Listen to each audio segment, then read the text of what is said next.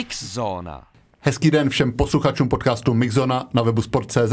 Mé jméno je Michal Osoba a já u nás ve studiu vítám Adama Ondru, jednoho z nejlepších světových lesců. Adame, děkuji, že jsi v tom nabitém programu na nás našel čas. Děkuji za pozvání, ahoj. Blíží se konec prosince, konec roku a to bývá takový prostor k bilancování. Zeptám se tě, mohl ten letošní rok pro tebe být vůbec hezčí, protože připomenu, to by se narodil syn Hugo, na mistrovství Evropy si získal kompletní sadu medailí, teď v druhé části roku se ti povedly dva vlastně historické přelezy, dotočil se dokument o tobě, tak byl to dokonalý rok v tvém podání? Tak určitě asi největší událost bylo narození syna Huga, to asi nepřebije nic.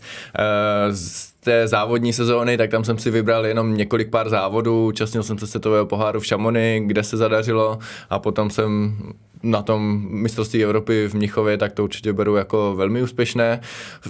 Tom lezení na skalách jsem měl možná ještě další cíle, ale to, že se mě hlavně teďka na, zača- na konci sezóny povedlo přelézt cestu Věřinec, která je asi moje druhá nejtěžší cesta, která se mě v životě podařila přelézt.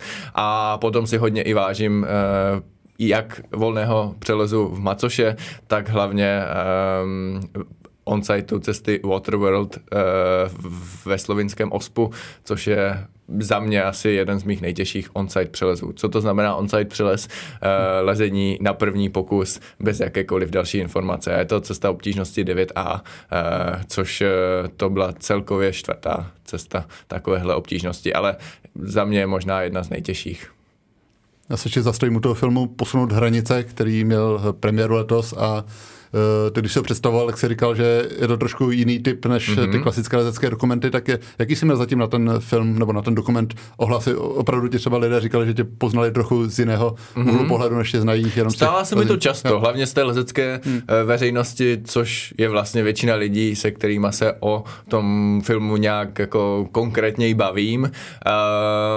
A myslím, že většina lezců možná je za začátku překvapena, jak v úvozovkách málo lezení tam je, ale myslím, že se nakonec většina lidí zhodne, že těch jako čistě lezeckých filmů je na internetu tolik, že by to dávat do tohle celodovačního filmu vlastně nebylo tolik zajímavé. A mě tam víc, řekněme toho soukromého života a víc lidi poznají i když je to možná kliše, jaký opravdu jsem. A já jsem moc rád, že jsme nakonec šli tady tímhle, tady tímhle směrem. Samozřejmě na, eh, na internetu nebo na nějakém ČSFD se, se člověk dozví jako různé věci, ale myslím, že i tak jako to hodnocení na ČSFD na to, že to je lezecký, lezecký dokument, tak je, tak je pozitivní. Eh, vlastně při tom natáčení eh, tě doprovázeli samozřejmě dokumentaristé, kameramani, ale vlastně všechny vlastně tvé významné uh, letecké pokusy dokumentují kamery, tak uh, seš už na to zvyklý, nebo přece tam člověk uh, se trošku vnímá jinak při tom lezení, když mm. ví, že tam je kamera. Dokážeš se o to oprostit a užít si to, jako by tam nikdo nebyl? Mm. Konkrétně při tom lezení, jestli tam kamera je nebo ne, tak, tak mě opravdu jako téměř jedno. Uh, spíš ovlivňuje celý ten jakoby den strávený ve skalách nebo při tréninku, jestli mě ty kameramani nějakým způsobem ovlivňují ten můj program, a nebo, a tohle je případ vlastně tohohle dokumentu, dokumentu, eh, tak spíš jako sledovali, co se děje. Takže ten dokument se natáčel, myslím, že téměř tři roky a v průběhu těch tří let, těch dní natáčecích samozřejmě bylo spoustu, ale když to veme na tu frekvenci, tak to bylo řekněme jednou, dvakrát měsíčně. Takže, takže to vlastně zas tak často nebylo a rozhodně natáčení tohohle dokumentu mě nepřišlo vlastně nějakým způsobem omezující. S těma klukama se jako dlouhodobě znám, jsou to, jsou to skvělí lidi, fajn kamarádi a i tu jejich tvorbu jsem znal, takže jsem měl, řekněme, jistotu v tom, že, že ten výsledek se mě, se mě nakonec bude líbit. My jsme zmínili ty dva tvé projekty v České republice, jednak v Moravském krasu, jednak eh, přímo v Macoše. Tak eh, obecně, jak, jak vlastně vymýšlíš, vymýšlíš kam, kam vyrazit, do jakého projektu se pustit? Máš třeba doma nějaký seznam, který si postupně očkrtáváš, nebo je to občas i impulzivní nápad, že si říkáš, tady ta stěna by mohla být zajímavá, půjdu tam? Obojí. už od malička jsem byl hodně jako fanatik do lezení a už od malička jsem si vytvářel nějaký jako svoje seznamy nejtěžší cesty v Moravském krasu nebo nejtěžší cesty, já nevím, nějaké jiné oblasti, kam jsem často jezdil, což teď mi napadá třeba eh, německá Frankenura, kousek od Norimberku, kam jsem dost často s rodiči jezdil, nebo, nebo třeba italská oblast Arco u Lago di Garda. Eh, dneska je to spíš míň o očkrtávání nějakých jako objemových listů, který mám, tak spíš o nějakým jako mm, nalezání konkrétních cest, které mě nějakým způsobem zajímají. Takže momentálně samozřejmě ten výběr oblastí, destinací i ovlivňuje fakt, že jsem se stal otcem, takže víc vybírám ty oblasti, které jsou, které jsou buď snadné, řekněme, s cestováním s dítětem, takže strávili jsme třeba letos eh, více než měsíc eh, v, v oblasti Flatanger v Norsku a, a jinak jsem byl spíše doma a byl jsem rád, že mám doslova za hubny ten moravský kras, kde kde překvapivě se stále najdou ještě mnohé lezecké výzvy i po té, co jsem samozřejmě v téhle lezecké oblasti strávil téměř celý život, tak to jsem uh, i začínal s lezením. Hmm. Ty jsi tu cestu zvěřinec označil za vlastně nejtěžší v Česku, která uh, hmm. byla, tak uh, jsou ještě těžší nebo napadají tě ještě stěny, kde by se dalo vylézt ještě náročnější? Určitě. Ten Moravský kras je specifický v tom, že lidem, kteří tam lezou často, může připadat, že už tam se volné směry nalézt nedají, protože opravdu v nějakých částech toho moravského krasu jsou cesty doslova po metru a některé jsou, řekl bych, i dost nelogické v tom, jak jsou, řekněme, jako natlačené ty směry do velmi malého prostoru. Ale v těch úplně extrémních obtížnostech se tam pořád naleznou nějaké projekty, které, které pořád nejsou vylezené. A mně se často stává, že určitou skálu už jako zavrhnu, ne, tady už se nic nového nedá vymyslet, a nebo si určitou linii i třeba proslaňuju, abych zjistil, ne, tady prostě chyty nejsou. A pak se tam po pár letech vrátím s novými zkušenostmi, ne nutně třeba větším lezeckým umem, ale s novými zkušenosti v tom, že tu linii vidím a že vidím ty, tu sérii nějakých nepravděpodobných chytů a dovedu si to dát dohromady a nakonec zjistím, ne, tady to prostě jde, protože tenhle chyt se dá chytit takhle palcem a takhle si dát nohu za ucho a ono ono to nakonec nějakým způsobem funguje. Takže mám třeba konkrétně na Holštejně, kde se nachází ta cesta zvěřinec, ještě projekt, který mám v hlavě dlouho, ty nýty už tam jsou, já nevím, 12 let, mám udělané všechny pohyby, ale to neznamená, že jsem blízko na to, abych to spojil, takže um, to je určitě cesta, kterou bych chtěl někdy vylézt. A když jsem třeba, když jsme u té macochy, eh, tak eh, jsem vylezl jenom jednu cestu letos, ale těch možností k volnému lezení by tam, by tam ještě byla spousta, takže to je určitě věc, kam bych se ještě rád vrátil eh, příští rok na těch pět dní, až tam znovu bude povoleno lezení. Hmm. A to jsem se právě chtěl zeptat, jak je složité se do těch míst dostat, která jsou třeba v rámci nějaké chráněné oblasti, hmm. tak je občas třeba získat nějakou výjimku nebo, nebo občas si říkáš, no. tady by se dobře lezlo, ale prostě to nejde. Obecně lezení v České republice na skalách je velmi regulováno ochranou přírody, protože téměř všechny důležité lezecké oblasti se nacházejí buď v Národním parku nebo v chráněné krajinné oblasti. A z principu v chráněné krajinné oblasti nemůžete lézt nikde, pokud to není jako výslovně dovoleno. Takže v Moravském krasu třeba konkrétně spoustu, spoustu skalních objektů, ale jenom na určitých se může lézt. Na na, těch, na většině, kde se může lézt, vlastně kdokoliv pak může přijít a může začít lézt, ale neplatí to pro, pro prvovýstupy. Pro, prvovýstup, abyste mohli umístit jako nové ještění, tak musíte speciálně žádat a tyhle podmínky se jako dost mění. Upřímně teďka v posledních letech se to ještě extrémně jako zkomplikovalo a stížilo. No a potom jsou speciální místa, jako je třeba ta macocha, kde se obecně vůbec nesmí líst, ale je domluvená nějaká výjimka nejenom teda s krajinou oblastí, ale ještě s tou zprávou jeskyní, protože tam jde i o to, aby jsme vlastně my lesci neohrožovali ty turisty, který vlastně prochází těma punkevníma jeskyněma. Takže i v rámci téhle výjimky, kdy se třeba v Macoše mají teda lesci na speciální výjimku povolené les pět dní v roce, z, pra, eh, většinou je to někde na začátku prosince, tak i tak tu první část my vlastně musíme lézt až po třetí hodině, kdy skončí ten provoz jeskyní, což znamená, že lezeme pod mě s umělým světlem nebo s čilovkou. Hmm. Jak vlastně obecně vypadá příprava, když se pustíš do nějakého takového projektu na místě, které třeba neznáš tolik, mm-hmm. což mhm. není samozřejmě případ eh, Moravského krasu. Eh, kolik třeba času strávíš přímo pod tou stěnou, eh, jestli pak si to třeba kreslíš na papír nebo natáčíš si to a doma si to pouštíš, mm-hmm. nebo spíš v hlavě se to odehrává. Dá se nějak popsat ten model, který... Mm-hmm. Uh, záleží to. Tak když je to jakoby úplně nelezená skála, nevím, někde v Itálii, tam jde třeba, tam nejde ani většinou o tu ochranu přírody, tam je to tam většina skal se nenachází v nějakém jako národním parku, je třeba spíš zjistit, jestli to je třeba uh, na nějakém soukromém pozemku, což je naštěstí třeba věc, která se v Česku úplně moc jako nejedná. Nenapadá mě vlastně žádná skála, která by byla na soukromém pozemku, což mi přijde sympatický. mě vlastně jako je, je, je, je, těžký pochopit něco, že někdo, že někdo může vlastně vlastnit nějakou skálu. Jako jo. uh, takže uh, člověk to nějak navrtá, očistí a začne to zkoušet. Když je to nějaký jakoby vážnější projekt, tak většinou, a když už tam nemám jako kameramanský tým, tak minimálně si jako položím někam mobil na zem a, a to nejsnadnější zapamatování si je to, že to mám jako natočený. A někdy si to nakreslím, ale většinou ta jakoby komplexita těch pohybů není jenom v tom, že mám držet pravou rukou tenhle chyt, levou rukou tenhle chyt, pravou rukou tenhle chyt, tak je to spíš i o tom, jak se tam přesně vyto- natočit a toto zachycení videem vlastně jakoby říká všechno, no.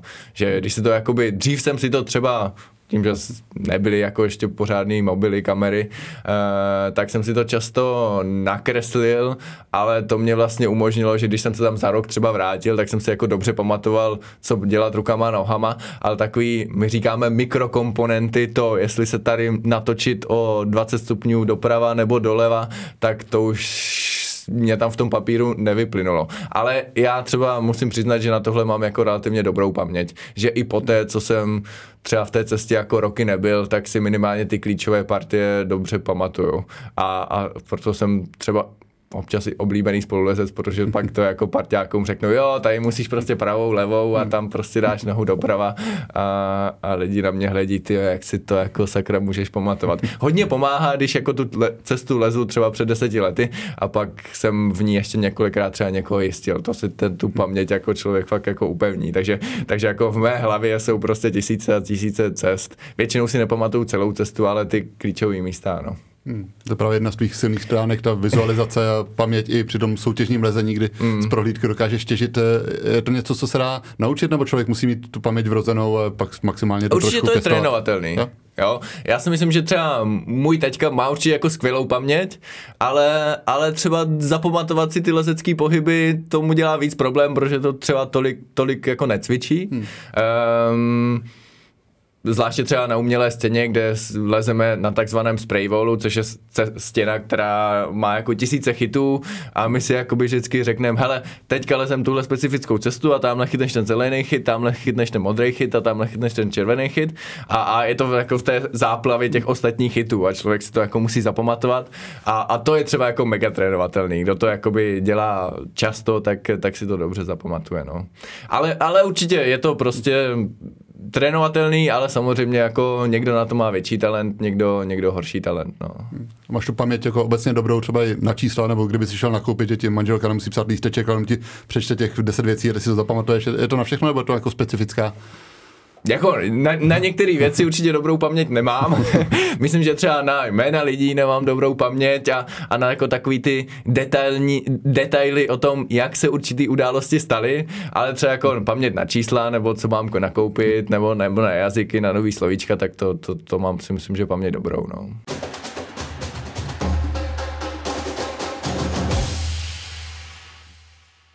Vlastně v Moravském krosu v Macoše lezl v pozdějším podzimu, kdy samozřejmě nebyla taková zima jako teď, ale bylo už chladněji, tak eh, bylo to v tom náročnější, nebo chápu, že asi v létě, mm. kdy se potí prsty, tak to není ideální, ale přece když je chladněji, lezec nemůže být úplně navlečený, tak eh, prsty zároveň potřebují mít pohyblivé, tak eh, je to komplikace při tom lezení?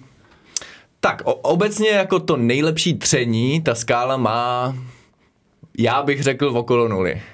Když je potom chladněj, a teď zase záleží na skále, Možná tak už tření, to... tření můžeš popsat co tření, co, co Když spočívá? prostě se té skály chytneš a cítíš, že to prostě, my říkáme úplně lepí, že jako dobrá podmínka. A to znamená, že ta kůže vlastně na těch prstech je tak akorát jako tvrdá a že, ta, že ty nerovnosti té skály se tak akorát jako zahryznou do té kůže a když prostě za to zabereš, tak ta kůže drží a, a když je třeba měkká a je teplo, tak ty nerovnosti naopak se jako zahryznou a ta kůže prostě se trhá v cárech. Um, a teď záleží jako na, třeba na skále, Obecně vápenec v Moravském krasu, když už je potom pod nulou, tak bych řekl, že, že už potom klouže. A hlavně třeba ta guma těch lezeček pak jako takovým způsobem zvoní. Zatímco na pískovci třeba ještě minus 3, minus 5 jako dokáže dobře držet, protože ta skála je taková porovitější. Teď je otázka, jako to, že opravdu, když je nula, tak je prostě zima. Rozhodně základní výbava lesce potom v takových podmínkách je prostě dobrá péřovka. Ono to může vypadat divně, jakože já pak třeba lezu i bez trička v té nule. Ale zároveň ta cesta je prostě tak strašně intenzivní, že jako na tělo v ten moment, protože já to lezu třeba často, nevím, jenom 3-4 minuty, opravdu zima není. A nějaký tričko a nějaká mikina navíc je prostě váha navíc a, a tudíž se to snažím jako co nejvíc eliminovat. Ale potom záleží na cestě. Když je to řekněme třeba fakt dlouhá cesta, kde se nedá zastavit a lezete 10 minut v kuse bez zastavení, tak v nule vám ty ruce zmrznou, takže, takže to není úplně ideální. Ale třeba na ty kratší cesty, um, tak se člověk prostě zahřeje těsně před lezením a ty ruce ty dvě, tři minutky prostě vydrží teplý. Nebo ta výhoda je, že když je to v Moravském krasu, mám to půl hodiny autem, rozlezu se ještě doma v teple a přijdu tam a už jsem prostě připraven na to rovnou líst a nemusím se jako zahřívat a rozhodně ten pobyt pod skalama v tom jako mrazu bere hodně energie. Takže často třeba jak zvěřinec, tak tu macochu jsem vylezl v té eh, teplotě okolo nuly a třeba v konkrétně u toho zvěřince jsem věděl, že v té zimě mám jenom jeden pokus. Že kdybych to ten první pokus nevylez, kdy jsem se rozlezl doma, přijel, dal pokus, tak bych musel třeba hodinu odpočívat a pobyt v tom mrazu jako v nule prostě sebere tu energii. Ne, že bych jako neměl energii na to lézt, ale ta cesta je prostě tak blízko na té mé hranici, že na druhý pokus už by nebyla, nebyla energie říkáš rozést doma, to znamená, že doma máš nějakou tréninkovou stěnu, kde, hmm. můžeš, kde to stačí na to, aby se dostatečně zahřál a rozcvičil? Doma mám docela dost dobrou stěnu, kde i často, často trénuju. No. Hmm. Mám to jakoby uspůsobený uh, na to, na trénink vytrvalosti, um, což nikde jinde na žádné komerční stěně jako nemám. Takže chtěl jsem si vybudovat tuhle stěnu, která, která slouží těm mým jako specifickým tréninkovým požadavkům. No. Hmm. To neznamená, že jako často chodím i na jiný stěny a je to důležitý, ale tady na ten specifický trénink vytrvalosti vím, že je to jako super efektivní. Možná takovou zajímavostí pro lidi mimo tu lezeckou komunitu je, že vy vlastně tu obtížnost eh, těch stěn eh, si určujete sami, ten, kdo to poprvé přeleze, ano. tak v kombinací čísel a písmen určí, eh, jak moc složité je být objektivní, protože chápu, že pro každého je složité hmm. něco jiného, že někomu může přibrat těžší jiný úsek, někomu ten, tak je to těžké, aby se nepřecenil nebo jako samozřejmě je to kontroverzní a my si strávíme jako hodiny diskuzí na tom, hele, tahle cesta by měla být lehčí, těžší, ne, to je blbost a, a takovým způsobem. Ale, ale myslím, že takhle pro nezaujatého jako pozorovatele je to vlastně nepochopitelný, ale ve výsledku je to asi daleko objektivnější, než se takhle může stát.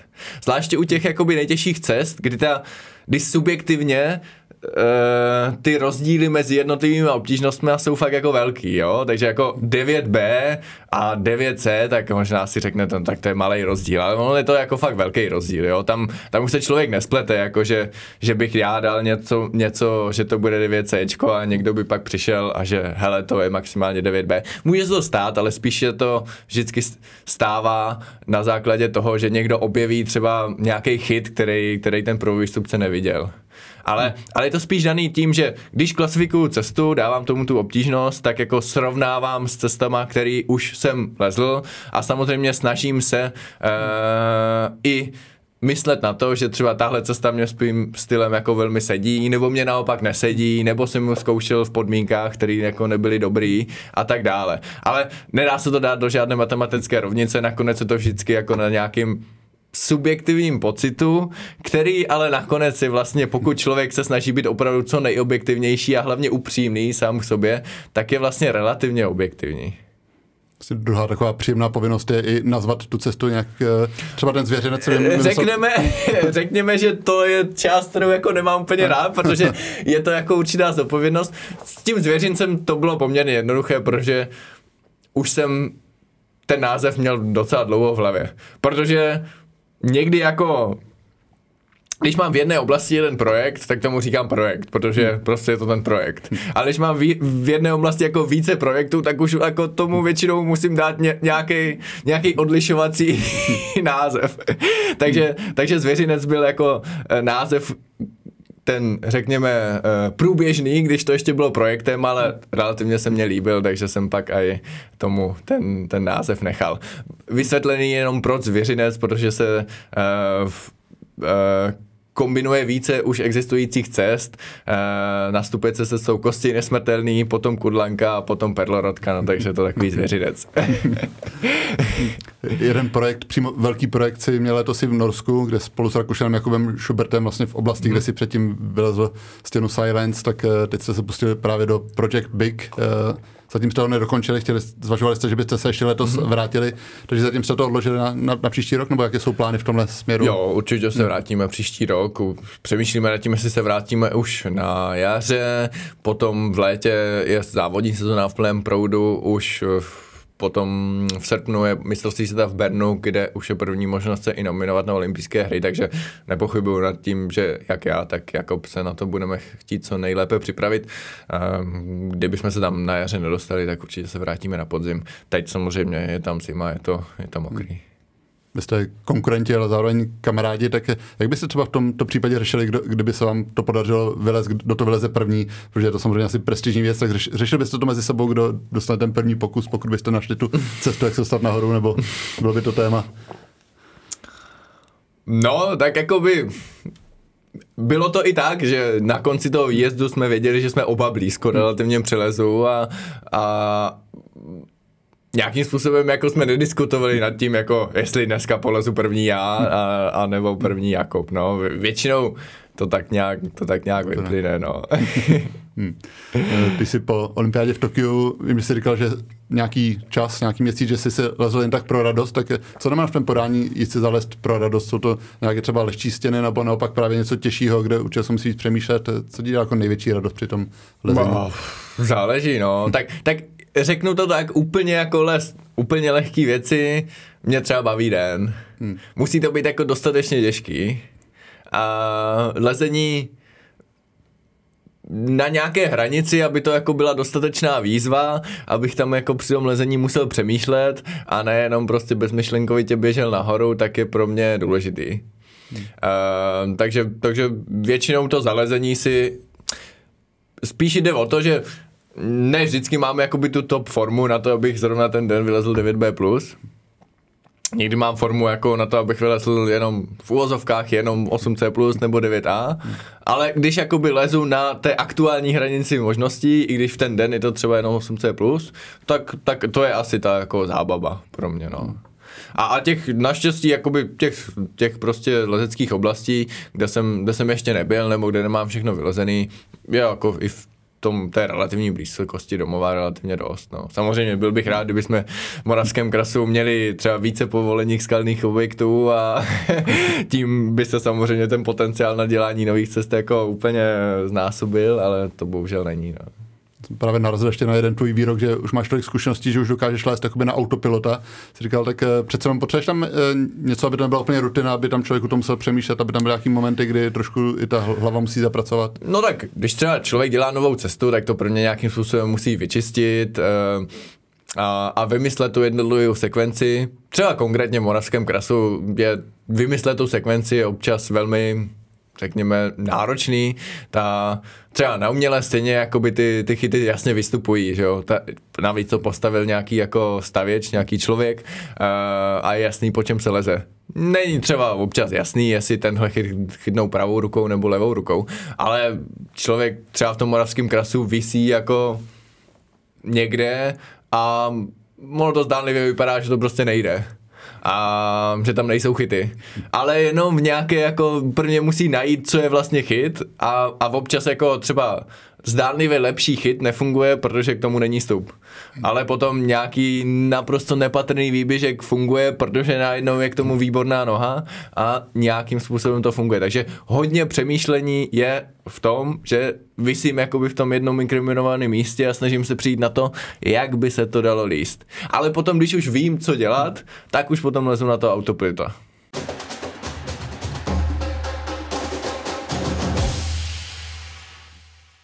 Ještě vlastně jednu zajímavou zkušenost tvojí letošní jsme nezmínili a to bylo společné lezení s Jon Nesbem, eh, norským mm-hmm. spisovatelem, autorem detektivek, tak eh, vybavíš si, když on se ti ozval poprvé, ten první kontakt zešel od něj, ano, tak eh, ano. byl jsi tehdy překvapený, nebo, nebo znal jsi, byl jsi třeba četl si nějakou knížku od něj tehdy? Uh, tehdy jsem ještě žádnou knížku nečetl, ale samozřejmě jméno jsem znal a, a překvapilo mě, že taková jako známá se to známá osoba vůbec leze.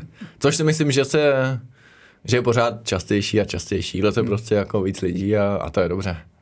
Navíc je můj 60 let, tak dá se říct, co jakoby ideální věk pro lezení, nebo do kolika se dá lézt na té opravdu top úrovni na těch nejtěžších stěnách? Ježiš, to záleží, co jako hmm. berete za tu top úroveň. No. Co se týče to jako sportovního nebo soutěžního lezení, jak si myslím, že do 35 se to dá, pak asi ta úroveň jako mírně musí klesnout, ale myslím si, že pokud bereme, že nějaká světová úroveň je třeba 9 9 plus, tak, um, tak jsou padesátníci, kteří lezou tuhle tuhle obtížnost, no.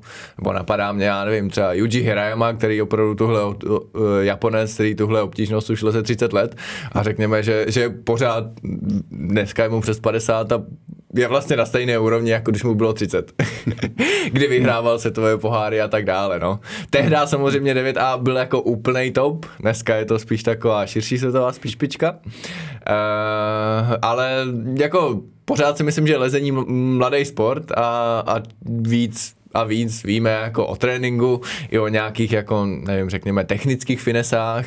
Samozřejmě i to, že se jako zlepšují lezečky a, a to vybavení může jako mírně přispět. Ale myslím, že hlavně, hlavní rozdíl je ten, že prostě dneska je ten trénink efektivnější, ty lezecké stěny jsou lepší, leze se po jako lepších, příjemnějších chytech, který třeba tolik nebolí na kůži, takže můžete prostě trénovat díl a tak dále. No. Hmm. A to jsem se právě chtěl zeptat, jak moc se mění jakoby to vybavení, protože když se posouvají hranice v atletice, tak je to mm. i díky lepším pretrám v plavání, jsou lepší plavky, v lyžování lepší lyže, tak je to lezecké vybavení, když se podíváš, s čím leze mm. tvý předchůdci před 20-30 lety, je, je jiné? Asi nejvíc záleží na těch letečkách. To, to ostatní vybavení už třeba v 80. letech bylo poměrně lehký. Jo. Uh, ty lezečky asi jako hrajou nejvíc roli v tom, řekněme, moderním lezení, který je víc jako třeba převislý, více používají paty, špičky. Zároveň, když se podíváme jako na ten styl, který, řekněme, frčel před 30 lety, kdy to bylo spíš o tom, že ty stěny byly jako kolmí nebo mírně už se převislí, až spíš šlo o to udržet ten nejmenší mikroskopický chyt a ustát ten nejmenší mikroskopický stup, tak na to ty tehdejší lezečky už fungovaly jako velmi dobře. Když si vezmeš jako moderní lezečku, tak funguje skoro stejně. Ale v těch tehdejších lezečkách se třeba prostě nedalo zapatovat. Takže kdyby si se vzal na nynější jako závody, kde to je strašně moc o tom, co zapatuješ, tak by se v tom jako lezlo hodně blbě. A, a i proto třeba, když jako člověk dneska přijede do nějaké jako staré oblasti, kde jsou staré cesty, a je to tady v tomhle stylu, tak je to pocitově jako těžce odklasifikovaný, jo, prostě vylezu tam třeba 8A, řeknu si, tyjo, tak to je fakt jako hodně těžký 8A, to by mohlo být někde spíš 8B. Hmm. Zatímco když je nějaká z 30 let stará cesta spíš jako převislá, tak je vlastně oklasifikovaná pohodově, jo, že tohle 8 jo, tak to je prostě pohoda. Protože hmm. máme ty jako nový triky. Nebo máme třeba nákoleníky. To je prostě věc, obalíte si tím spíš ne koleno, ale spíš stehno hmm. a díky tomu nějakém místě, kde se člověk dřív musel držet, tak já tam založím koleno a pustím se uh, rukama a vysím tam hlavou dolů. Což je nejenom dáno tím, že máme ty nákoleníky, ale spíš tím taky, že, že to najednou člověk vidí, že tam ty kolena jsou. Ono se tam dá zakolenovat třeba i bez těch nákoleníků, jo. Uh, ale spíš to, že, že jako je to nějaká akceptovaná, rozšířená technika, člověk ty kolena používá každý den a díky tomu se v tom zlepšuje a díky tomu pak už jako leze nějakou cestu a hned vidí, jo, tak tam půjde koleno.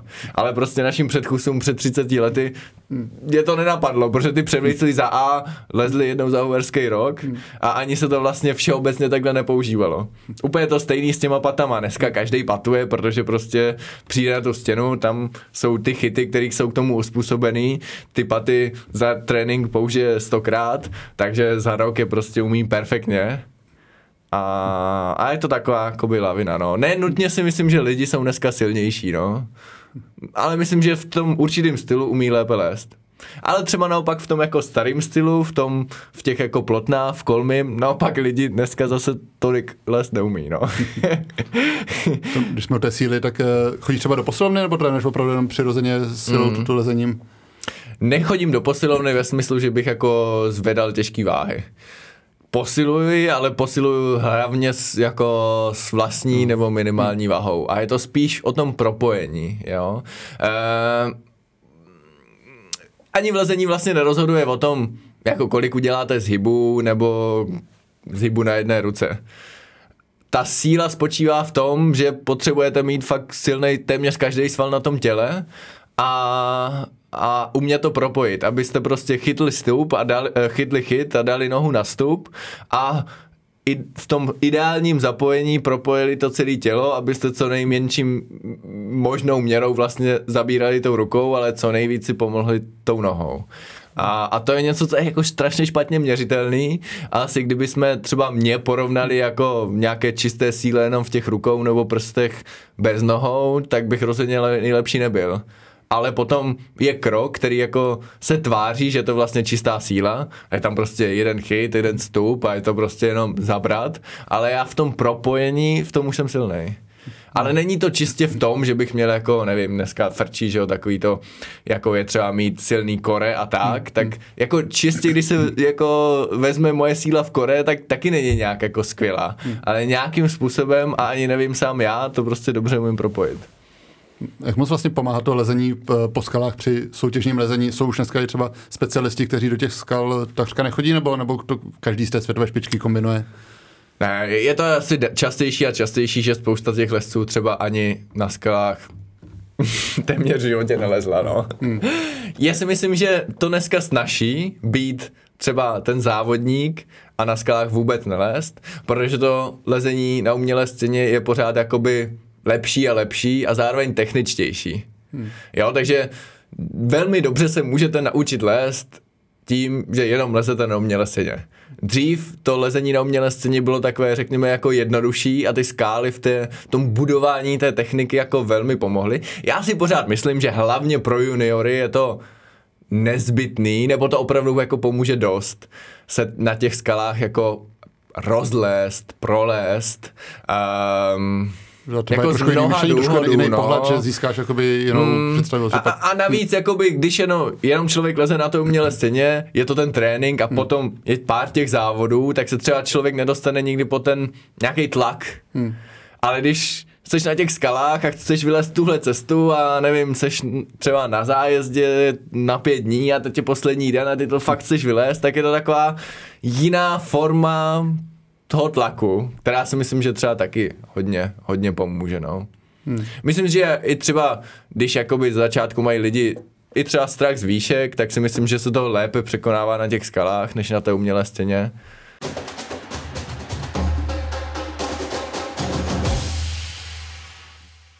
Jak moc se změnila ta lezecká komunita za dobu, co lezeš, co získalo lezení i díky tobě eh, na popularitě? Že vím, že jsme se o tom bavili třeba s Eliškou Adamovskou, českou mm. jedničkou, a to říkala, že má pocit, že tam přišlo hodně lidí z fitness, kteří se chodí na ty stěny třeba fotit, neznají mm. ani tu etiku nebo bezpečnost, tak eh, máš pocit, že s tou popularitou tam přichází tyhle ty třeba trošku stinné stránky, tak je daleko širší. A teď se jako my musíme ptát, kde se ta hmm. lezecká komunita změnila, jo? Takže já nevím, když přijdu do moravského krasu, tak mně přijde, že, že se vlastně nezměnila. Třeba moravské krasy je dost specifická cesta, že tam téměř nejsou jako takový jako lehčí cesty pro začátečníky, nebo když už jsou, tak, tak reálně vlastně nejsou úplně lehký a nejsou moc dobře zajištěný. Takže mm. lezec moravským krasu opravdu potkáš jenom řekněme ty hardcore lesce a, a těch je podle mého názoru skoro pořád stejné množství. Hmm. Že, se, že se ty řady těch hardcore lesů vlastně moc ani jako nerozšířily. Potom jsou umělé stěny, některý jsou víc takový ty jako hardcore, kde si jako zase opět ten začátečník, neskušený lezec tolik nezaleze a tam je to vlastně pořád podobný, jo. Přijdu na takovýhle typ stěny a každý ho tam znám. Ale když pře, pře, přijdu na ty jako moderní komerční stěny, tak tam třeba neznám vůbec nikoho. A, a to je jako v porovnání s před 15 lety jako divný. A tam hmm. jsou ty lidi, kteří třeba dřív chodili do fitka a, nakone, a teďka jako začali jíst a myslím, že to je super. Samozřejmě jako z toho pohledu nějaké bezpečnosti, ať už je to lezení na leně nebo bouldering, tak tak je to problém, no. U nás myslím, že ty u nás v podstatě kdokoliv může přijít na stěnu, podepsat tam, že přebírá zodpovědnost a pak se tam občas jako dějí věci, no. ale, ale ono to jako přijde. Já myslím, že je skvělý, že leze víc a víc lidí a, a takový ty jakoby nebezpečí, že za chvilku se na skalách nepohnem, za mě tady tyhle prognózy se úplně jako nevyplňují, no, že, že ti lidi, kteří chcou líst jenom na těch moderních umělých stěnách, tak když prostě je přeplněná jedna stěna, tak prostě snad trh zafunguje a otevře se jako nová stěna, což si myslím, že se prostě děje. a tak by to mělo být.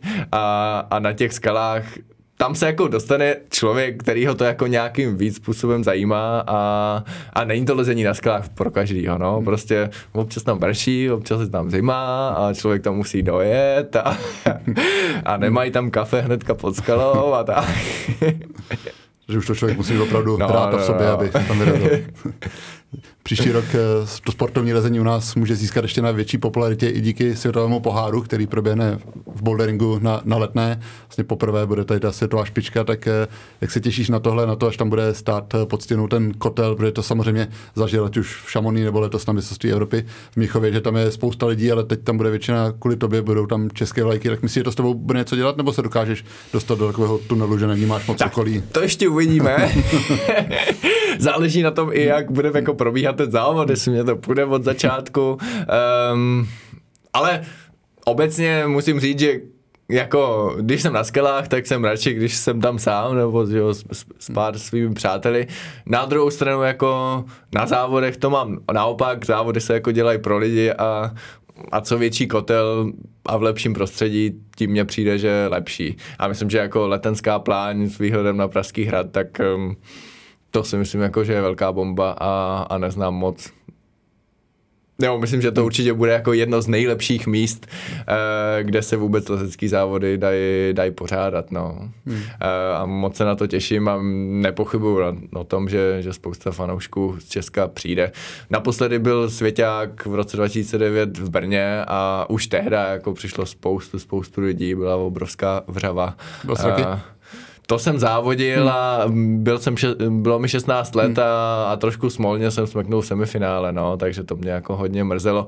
A potom jako divák jsem se účastnil za Svěťáku, když byli v Praze 2003-2004, tak to byla tehda ještě třeba stěna narození, eh, která je fakt malinkatá, ale už tehda závodil třeba můj vzor Tomáš Mrázek, teřejší mistr světa, tak ta, ta hala téměř spadla, jako jo, to, to byl pro mě jako dítě velký zážitek, myslím, že mě bylo 10 let. Hmm. Máš před uh, tím samotným lezeckým pokusem uh, nějaký rituál, že se, jestli se podíváš třeba do publika, nebo jestli spíš opravdu se koncentruješ jenom na tu stěnu a až třeba když jsi nahoře, tak se podíváš ne, do publika se nedívám. Hmm. Jako tam člověk před tím lezením je někde schovaný v zázemí a čeká, než, než na něho přijde řada a, a pak, když jako přijdu pod tu stěnu, tak se zajímám, co je, co je na té stěně a do publika se jako nedívám. Ale samozřejmě ten jako zvukový doprovod, tak ten, ten nejde nevnímat, no.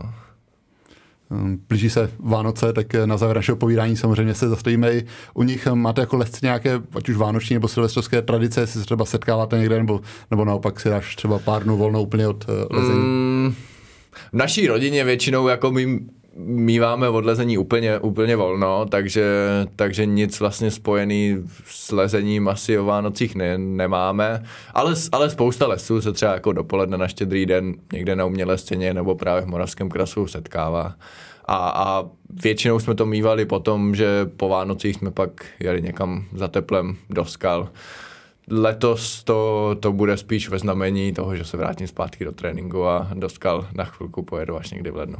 Hmm, asi tím to bude mít kouzlo, že budou poprvé Vánoce ve třech pro vás eh, se synem, tak asi na pohádky ještě malý, ale dokážete třeba si lehnout na gauč cukrový, koukat na pohádky chvíli, nebo bavíte jo, to jo, jakože určitě nejsem zas takový jako lezecký fanatik a, a zároveň jako myslím, že umím je odpočívat a, a tím, že mě teďka syn Hugo, takže jakýkoliv volnou chvíli vlastně se snažím trávit s ním. Mimochodem Hugo určitě bude mít klezení blízko tím, že vlastně oba rodiče jsou lehce, on vyrůstá v tom prostředí, tak v kolika letech se dá nějak jakoby, seriózně začít s lezením, nebo kdy poprvé ho pustíš na tu domácí stěnu? Tak eh, on už tam strávil docela dost času, samozřejmě v náručí si o, ošahává ty chyty, oni jsou hezky barevný, takže myslím si, že je tam rád a, a, a, a pozoruje. E, občas, občas lezu já, občas, lezu, občas leze manželka. A já myslím, že tak ve dvou letech se jako dá začít, no. Jako dá se prostě koupit ten lezecký úvazek pro dvouletý dítě. Ještě na závěr lehce, když se podíváme na výhled na rok eh, příští, tak eh, jak moc, eh, nebo jaký poměr plánuješ kombinace závodu a právě třeba toho lezení v přírodě? Protože teď těch závodů si měl hmm. trošku méně, říkal si, že tě to vyhovuje, tak samozřejmě hlavně bude asi kvalifikace na olympiádu a to se bude odvíjet ten program? Jo, tak je to kvalifikace na olympiádu a před tou kvalifikací na olympiádu si vyberu tak tři, čtyři závody světového poháru. Takže určitě nebudou běžet celý světový pohár, protože No, neříkám, že jsem starý, ale do určité míry jo. Já vím, že na těch závodech světového poháru už jako co se týče zkušeností nemám moc co získat. Já se radši jako budu věnovat tréninku a připravím se na tu na tu olympijskou kvalifikaci. No. Podle čeho budeš vybírat? Je to čistě podle toho, jak ti to zapadá právě do přípravy, nebo máš to nějaké oblíbené tak. místo, kde jsi říkal, že by si chtěl být? Aby to hlavně zapadalo do, do přípravy a aby to třeba nebylo ani daleko, abych jako nemusel moc dlouhou dobu trávit od rodiny. Jako cestování mám rád, ale třeba jakoby cestování za závody už tolik jako rád nemám. A ono upřímně i ty ty závody prostě většinou v Evropě jsou, jsou nejlepší, mají nejlepší tradici, jsou tam prostě spousta diváků a, a většinou mimo Evropu už to, už to nemá takovou kvalitu ani. No. Hmm vlastně dokázal kombinovat letos s rodinou i s, se závoděním, když si při mistrovství Evropy mezi závody vlastně odjel na pár dnů domů, tak eh, příští rok třeba rodina bude už vyrážet i, i s tebou, počítáte, že malého vemete i na závody, a tam asi docela rušno na těch závodech. Ale zase... E, uvidíme, no. Hmm. Jako tím, že většina těch závodů, který mám v hlavě, tak jsou opravdu jako po Evropě a, a ty světové poháry trvají většinou jenom dva dny, takže to bude spíš na otočku. E, jestli rodinu vezmu potom na to delší mistrovství světa, na tu kvalifikaci do Bernu ve Švýcarsku, tak um, to ještě uvidím. Adame, já ti moc děkuji, že jsi si našel na Mixzonu čas a držím palce, ten příští rok je minimálně podobně úspěšný pro tebe jako ten letošní. Děkuji moc.